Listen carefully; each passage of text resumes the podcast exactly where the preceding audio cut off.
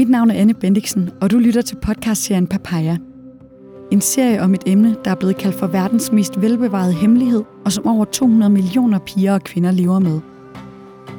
Serien her handler nemlig om kvindelig omskæring, og dermed også om kønsroller og magtstrukturer, traditioner og sociale normer, politik, rettigheder, udvikling og aktivisme, og om forholdet til kvindelig seksualitet. I fire afsnit kan du rejse med mig til Kenya i Østafrika efter svar på, hvad omskæring er, hvorfor man omskærer piger og kvinder, hvilke konsekvenser det har, og ikke mindst, hvad bliver der gjort, og hvad kan man gøre for at ændre praksisen.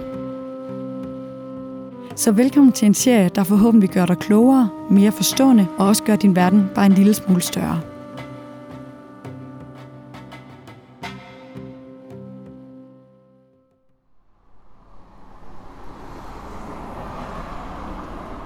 Velkommen til tredje afsnit her i øh, Papaya-serien. I det her afsnit så skal vi se nærmere på noget af det, som har optaget mig allermest, siden jeg begyndte at beskæftige mig med, øh, med emnet. Vi skal nemlig se på, hvad det er, der ligger bag. Vi skal prøve at forstå, hvorfor man omskærer piger og kvinder, og hvad det er, der får praksisen til at eksistere i dag og generation efter generation. Helt enkelt så vil jeg virkelig gerne prøve at forstå rationalet bag, og prøve at forstå, hvad øh, det betyder for folk her i Kenya. Derfor så skal vi i dag både ind på, hvad en rigtig kvinde er, hvad fællesskab er for en størrelse, og hvordan myter kan forme vores forståelse af verden. Så velkommen til, og øh, tak fordi du lytter med.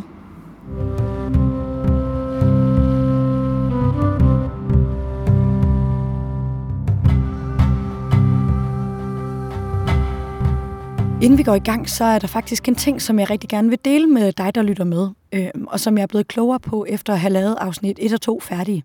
Og det er, at jeg normalt kalder den her praksis for kvindelig omskæring. Men jeg har for nylig stødt på, at man på dansk også kan kalde det for pigeomskæring. Og i det, at langt de fleste piger de er omskåret før de fylder fem år, så øh, vil jeg prøve at gå over til at kalde det for pigeomskæring i stedet for. Men øh, som sagt er det stadig den fuldstændig samme praksis, så øh, der er ingen grund til at blive forvirret over det. Lad os øh, komme i gang med det her afsnit i dag, og med det blive øh, klogere på, øh, hvorfor man omskærer piger og kvinder.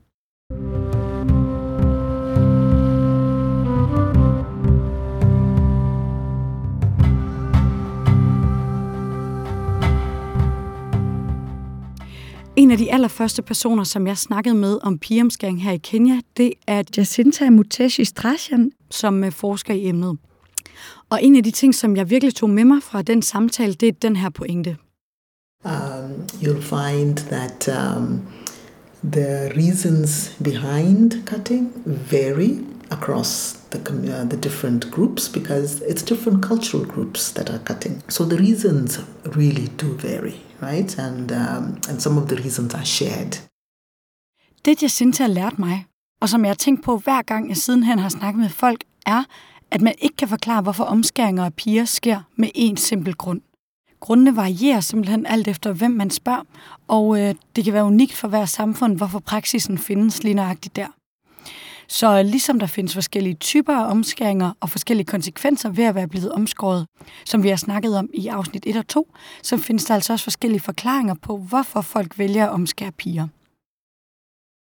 Måske Jacinta hun godt kunne fornemme, at jeg var lidt overrasket over, at der ikke som sådan var én forklaring på, hvorfor man omskærer. For det næste, hun fortalte mig, var, at der selvfølgelig er en række forklaringer, som går igen.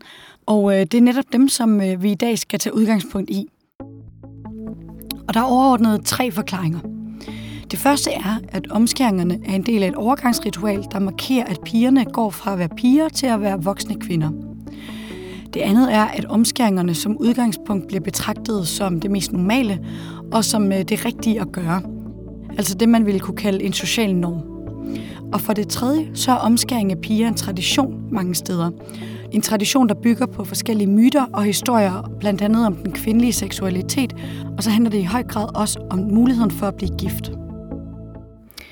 Og med de tre forskellige forklaringer som rettesnor, så kan vi nu dykke ned i dem øh, en efter en. Og øh, vi starter med at se på øh, omskæringerne som et overgangsritual.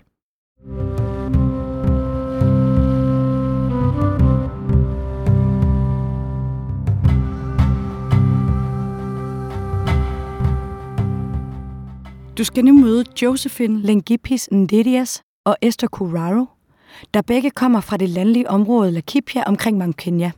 De tilhører den etniske gruppe Masaierne, hvor omskæring af piger er en helt fast del af det, som Josefina kalder a passage of right. Altså det, vi på dansk vil kalde et overgangsritual. Eh, you know, it, it is a passage of right in the culture from childhood to adulthood. So we don't want them to believe that these kids are still children. At, us, at an age, we need to let these girls know that they are now mature, and it was a big celebration. I Esters og Josefines landsby, der forbereder familier og venner sig i dagevis på at fejre pigernes nye status som voksne. Days before the uh, FGM, the mutilation, they are busy preparing. It was to be a, a party for other people. They will enjoy. Other people are feasting and having fun and dancing.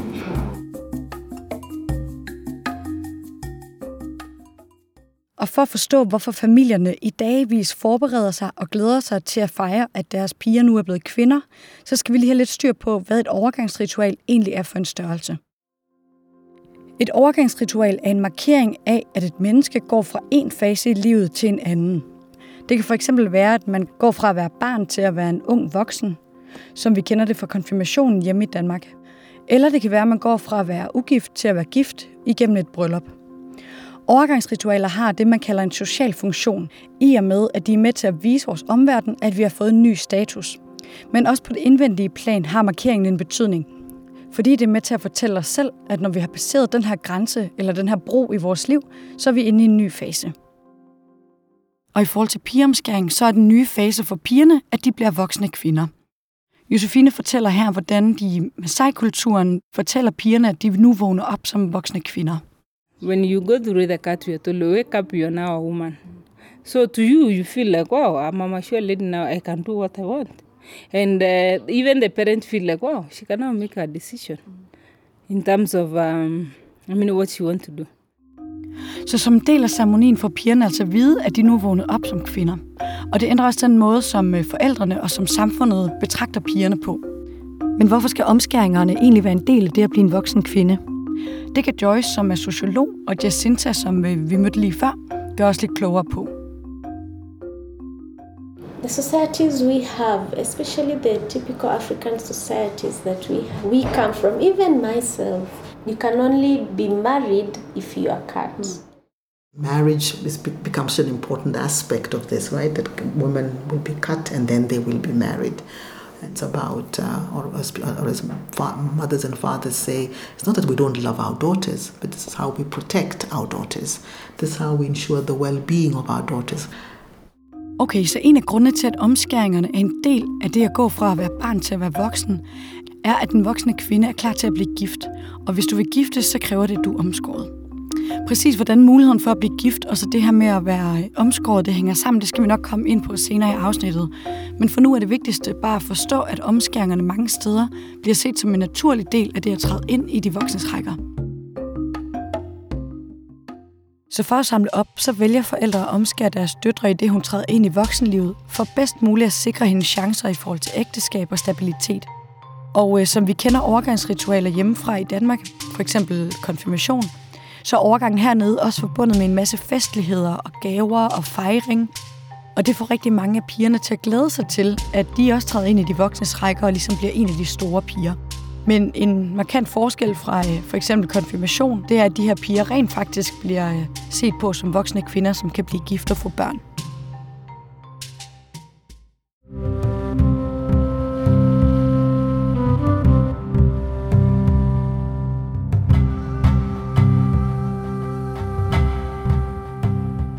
Det er nu blevet tid til at se nærmere på, hvad sociale normer og kultur har betydning for, at folk omskærer piger i dag. Og vi starter med at høre om det fra Esmal, som arbejder med at bremse pigeomskæring i øh, en NGO her i Nairobi. This is, I would say, a behavior that is morally acceptable by a certain group the, or a certain culture.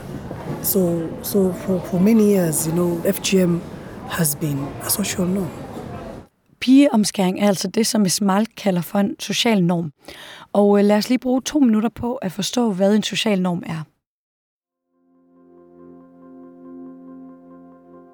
Helt forenklet, så kan man sige, at en social norm er, når man gør noget, fordi man tænker, at andre forventer det af en. Og for at blive opfattet som normal, så skal man følge normen. Et eksempel på en social norm, som øh, du måske kan genkende hjemme i Danmark, det er det her med at fjerne hår under armene. Jeg vil tro, at de fleste kvinder har prøvet at barbere sig under armene på et eller andet tidspunkt. Og jeg vil tro, at det er flere, end øh, der for eksempel bare lader det gro frit. Jeg tror, at hvis jeg gik på gaden i Danmark og spurgte de første 10 mennesker om, hvorfor de barberer sig under armene, så ville de fleste nok svare noget i retning af, at det bare er det mest normale at gøre, eller at de måske ikke har tænkt så meget over det. Det kan også være, at nogen vil sige, at de synes, det ser pænere ud, eller at det er mere lækkert, eller at de gør det for at virke mere tiltrækkende. Så på den måde vælger mange kvinder at leve op til et bestemt skønhedsideal. Og uden øvrig sammenligning mellem det at barbere sig under armene og så det at blive omskåret, så kan man sige, at omskæringerne også udtrykker et skønhedsideal rigtig mange steder i Kenya. Det anses for at være pænere, for mere rent, og endda mere sexet, som Jacinta uddyber her. The, language you'll often hear it's about beautiful in some communities about beautifying. Uh, in some language you'll hear it's about cleanliness. Uh, and then in others you'll you'll hear it's about how you learn to be you know uh, a, a woman. So the all, all of those are sort of the, the norms that uh, that underpin. Der er ikke som sådan noget rigtigt eller forkert i at tilpasse sig en social norm, altså at følge nogle af de her uskrevne regler, som er til stede rundt omkring. Udfordringen er, hvis andre vælger på vegne af en, at man skal følge normerne, ligesom når forældre på vegne af deres døtre vælger, at de skal omskæres. So for you to go through a cut, it is not, I mean, nobody consult you. It is the parent to decide. Because the culture, uh, though, is affecting us in a way because this is a, a community whereby a woman has no voice. I mean, people make your decisions.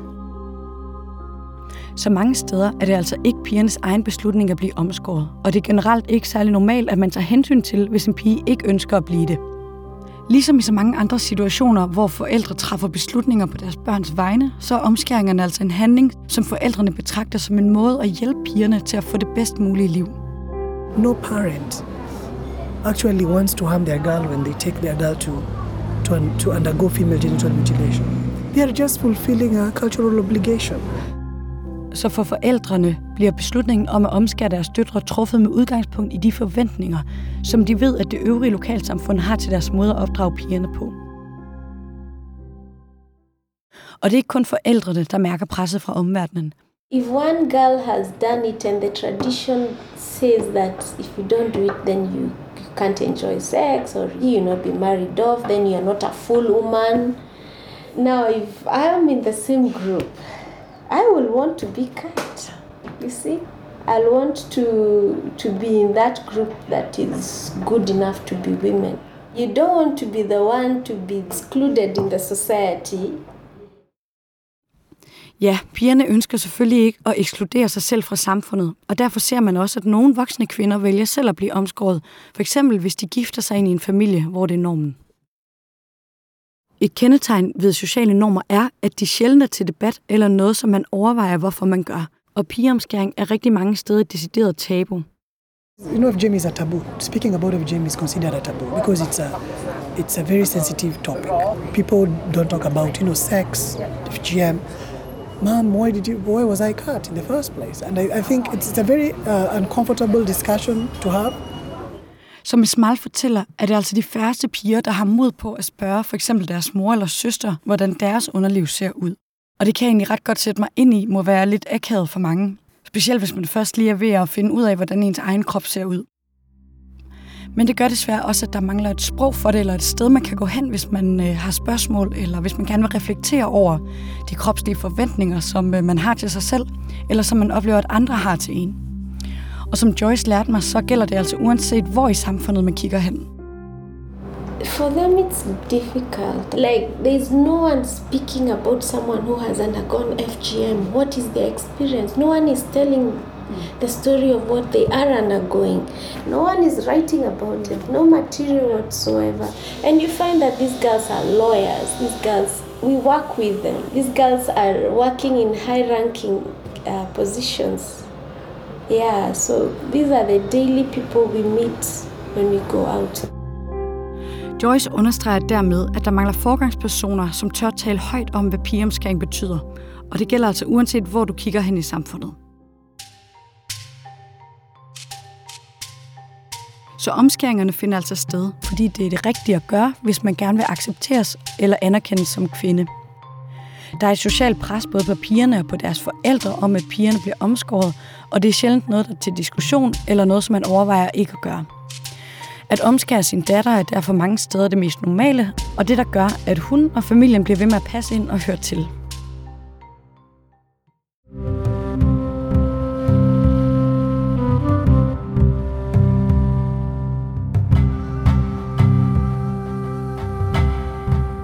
Vi har nu set på pigeomskæring som et overgangsritual og som en social norm. Og det er derfor nu blevet tid til at se nærmere på den sidste forklaring, som jeg har fundet frem, nemlig at omskæringerne finder sted, fordi man ønsker at tæmme den kvindelige seksualitet, og at man i øvrigt har ville det så længe, at det i dag er gået hen og blevet en tradition, forbundet med en masse myter og historie. In Africa, it started, people say it started in Egypt with the pharaohs, because they really wanted to maintain that. Der findes rigtig mange forskellige fortællinger om, hvor pigeomskæring stammer fra. Nogle mener, at praksisen opstod blandt egyptiske faraoer, der via handelsvejene lærte om den kinesiske tradition for fodbinding, og blev inspireret til os selv at lave nogle restriktioner på deres kvinders adfærd.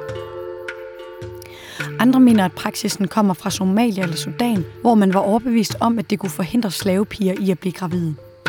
Og så er der dem, der tror, at praksisen er givet fra forfædrene, og at det aldrig har været anderledes.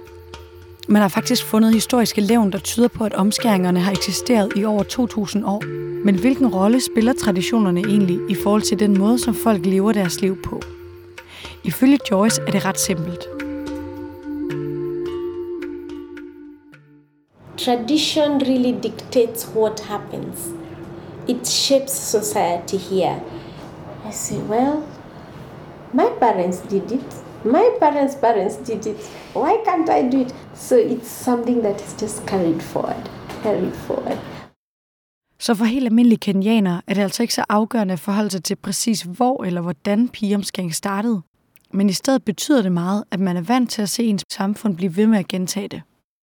Og netop det her med at gentage praksisen og holde liv i traditionen ved igen og igen at gentage ritualet, er med til at opbygge en form for vanetænkning blandt mange kenianere, som Esther, der kommer fra Masai-kulturen, fortæller om her. So now they are doing it like a cultural practice. I think they're still doing it out of custom, out of just because they're used to doing it. People are still holding to their cultures. Our people love culture, their culture so much. Så mange steder omskærer man pigerne, fordi man er vant til at tænke på en pige som omskåret. Og mange føler sig stærkt knyttet til den kultur, hvor det er normalt, at pigerne er omskåret. Men en ting er, hvad traditionerne har betydning i dag. Noget andet er at forstå, hvad der egentlig ligger bag traditionerne. Altså, hvad er det, de kenianske forfædre, eller de egyptiske konger, eller de magtfulde handelsmænd har tænkt, i det de fik ideen til at omskære piger og kvinder? Selvom der sikkert er flere grunde, så er der alligevel én ting, som jeg virkelig ofte er stødt på. We often are hearing it's about managing women's sexuality. Control your sexuality, Control the, the sex life of the woman. to restrict their sexuality. It was about power, it was about control. Basically, to control the, the sex life of the woman. Så ifølge både Jacinta, Esther, Joyce og Agnes, så er pigeomskæring startet ud fra et ønske om at kontrollere den kvindelige seksualitet. Altså kontrollere den seksualitet, som pigerne er født med, og som de vil udvikle igennem deres liv. Omskæringerne har rod i en tanke om, at kvinders seksualitet er farlig, og at den skal kontrolleres, og dermed også, at en ikke omskåret pige og senere kvinde er styret af sine kødelige drifter. Det kan gå ud over hendes jomfruelighed, hun kan blive utro og ustyrlig, og på sigt kan det gå ud over hendes evner i ægteskab og i forplantningen. En omskåret pige bliver kort sagt en bedre kvinde. Pigerne bliver altså opdraget til at opføre sig i overensstemmelse med den effekt på deres personlighed, som man regner med, at omskæringen vil have. This is how a woman should behave. This is how your morality should be. This is how you should be brought up as a woman. These are your responsibilities. Og en af pointerne med at give pigerne en god moral og opdrage dem til at være gode kvinder, handler i høj grad om, at man gerne vil klæde dem på til at blive nogens kone. For som du om lidt kan høre Agnes og Joyce forklare, så spiller pigernes fremtidige relation til en ægte mand en stor rolle i forhold til, at man vælger at omskære dem som børn. It's done for the man so that your vagina is tiny. FGM ideally is done for men, for men to enjoy sex. It just came from a world of men oppression, from a world that a man can misuse you and use you when he wants. It's not ideally for the woman, it, she's the custodian. It's done for men's benefit. Because a man is sexually active and he uses a woman like just another object, not because a woman also wants to have sex, but because the man wants. Så det at lade en pige omskære kan altså forklares ud fra en forestilling om, at en omskåret kvinde er bedre til at tilfredsstille sin mand. Den tanke har skabt en tradition, hvor kvinders anatomi, altså den måde, de er født på, groft set tilpasses mandens tilfredsstillelsesbehov. Og det kan være med til at forklare, hvorfor praksisen stadig finder sted i dag. For selvom der er voksende ligestilling og et stigende fokus på seksuelle rettigheder både til piger og kvinder i Kenya, så er der stadig, specielt i de mere gammeldags eller landlige områder, meget stor forskel på, hvem der har noget at sige i samfundet. You see that men, men are husbands, men are fathers, men are leaders, are elders. Most men are policymakers. They are the people who influence a lot of, you know, like FGM in many communities because FGM in many communities is done for men. Majority of the leaders in our communities and entirely in the nation are men. Is the lead of the house. He's the one who will decide if they are going to marry her off or not. In my community, a man can marry as many women as he wants and can use these women the way he wants. And if they say they will not marry, they will force the girl to be cut. Because if the, a girl, a woman loves a man, she can do anything for that man. The girls in most community, I mean, they don't have the courage to say, this is what I want to do. Så mændene har altså meget at sige, når man skal tale om, hvordan en pige eller en kvindes liv vil forme sig, både når de er små, men også senere i livet som nogens hustru. Og det hører til undtagelserne, at pigerne har modet eller får mulighed for at sige fra.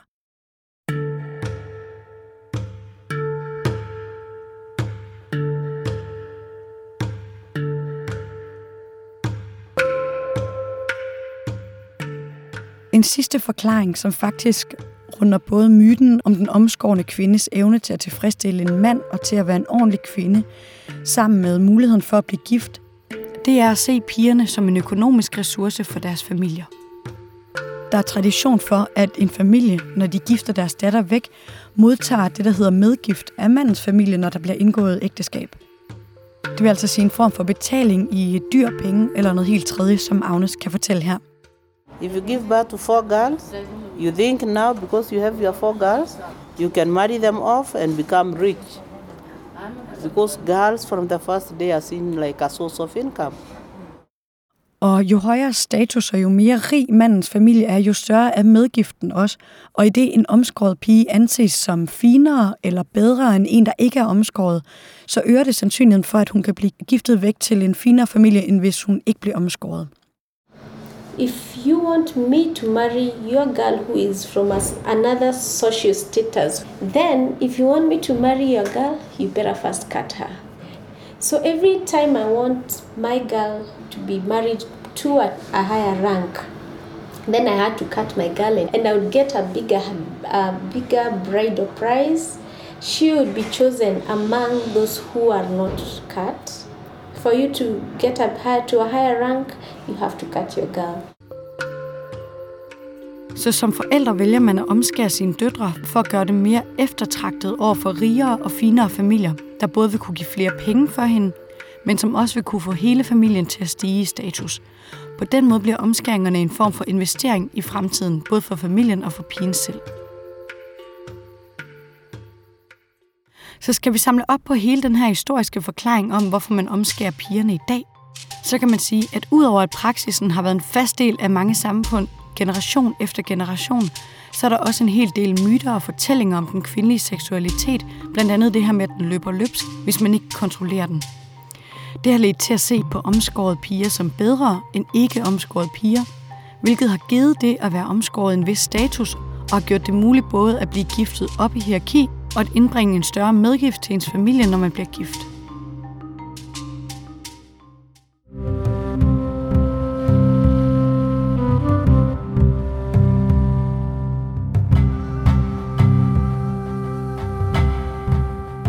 Været igennem de tre overordnede forklaringer, som jeg synes har gået igen, når jeg har snakket med folk her i Kenya. Vi har kigget på omskæringerne som et overgangsritual, som en social norm, og til sidst kiggede vi på de historiske elementer. Men der er dog en sidste ting, som vi slet ikke har været inde på, og som du måske sidder og undrer dig over, at vi ikke har snakket om endnu. Jeg har i hvert fald selv undret mig over, at det her ikke spillede en større rolle. For hvor er religion egentlig henne?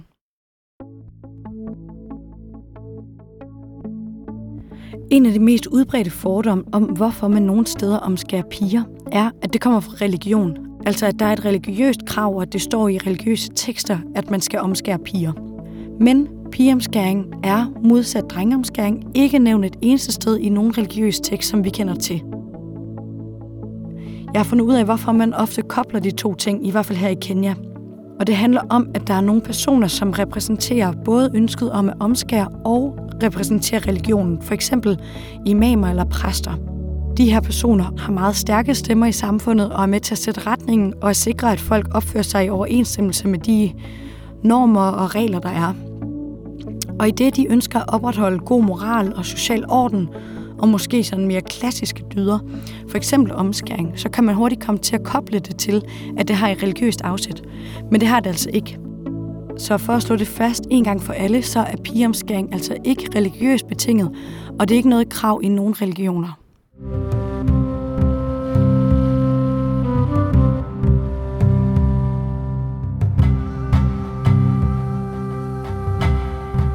Vi er ved at være ved vejs ende af det her tredje afsnit, og i stedet for at sidde ude på min altan, så er jeg lige rykket indenfor, fordi det regner øh, mega meget lige nu. Så, øh, afsnit 3. Svaret på det store spørgsmål. Hvorfor omskærer man dog piger og kvinder i dag? Det håber jeg, at du øh, føler dig lidt klogere på nu, og jeg håber samtidig også, at du har fået et lidt mere nuanceret billede af de mennesker, som stadig holder fast i praksisen i dag. Om du er blevet mere forstående over for deres beslutninger, det skal jeg ikke kunne sige noget om, men øh, jeg går i hvert fald selv videre med en større indsigt i, hvad det er for nogle tanker, som øh, ligger bag, og hvorfor det ikke er lige sådan at øh, gøre op med, øh, med den her praksis. Grunden til, at jeg synes, det er meget smart, at vi får nuanceret de tanker, der ligger bag, og prøver at komme lidt ind i hovedet på de øh, forældre, som vælger at omskære deres døtre, eller de piger, som glæder sig til selv at blive det, det er, at øh, for mig at se, så nytter det ikke noget, at man har øh, rygsækken fyldt med fordomme, hvis man gerne vil arbejde på at ændre den her proces. Nøglen ligger i at kunne forstå tankerne bag, og øh, så på den måde arbejde med at udvikle dem i stedet for. Og netop forandring, det er det, vi skal se på i det næste og sidste afsnit af serien. For er det overhovedet muligt at gøre noget ved, at pigeomskæring findes i dag? Er det virkelig muligt at ændre noget så grundlæggende som forståelsen af, hvad en rigtig pige eller kvinde er, eller hvordan relationen mellem mænd og kvinder skal være? Og hvis det er, hvordan griber man det så an? Og kan man overhovedet tillade sig at blande sig i andres måder at leve på? Hvis det er noget, som du gerne øh, vil have svar på, så synes jeg bare, du skal lytte med i næste afsnit. Og med det er der kun tilbage at sige tak for nu. I bedste time med henmandsstil, så kan jeg kun opfordre dig til, at du øh, deler den her serie med andre, hvis du kan lide, hvad du hører. Og som altid er du velkommen til at skrive til mig med spørgsmål eller kommentarer på papayaserien gmail.com. Du kan se, hvad for noget musik, jeg bliver brugt i øh, beskrivelsen til afsnittet, og samme sted så kan du også læse om øh, de personer, som jeg har snakket med. Mit navn er Anne Bendiksen, og det er mig, der har lavet serien. Vi lyttes ved.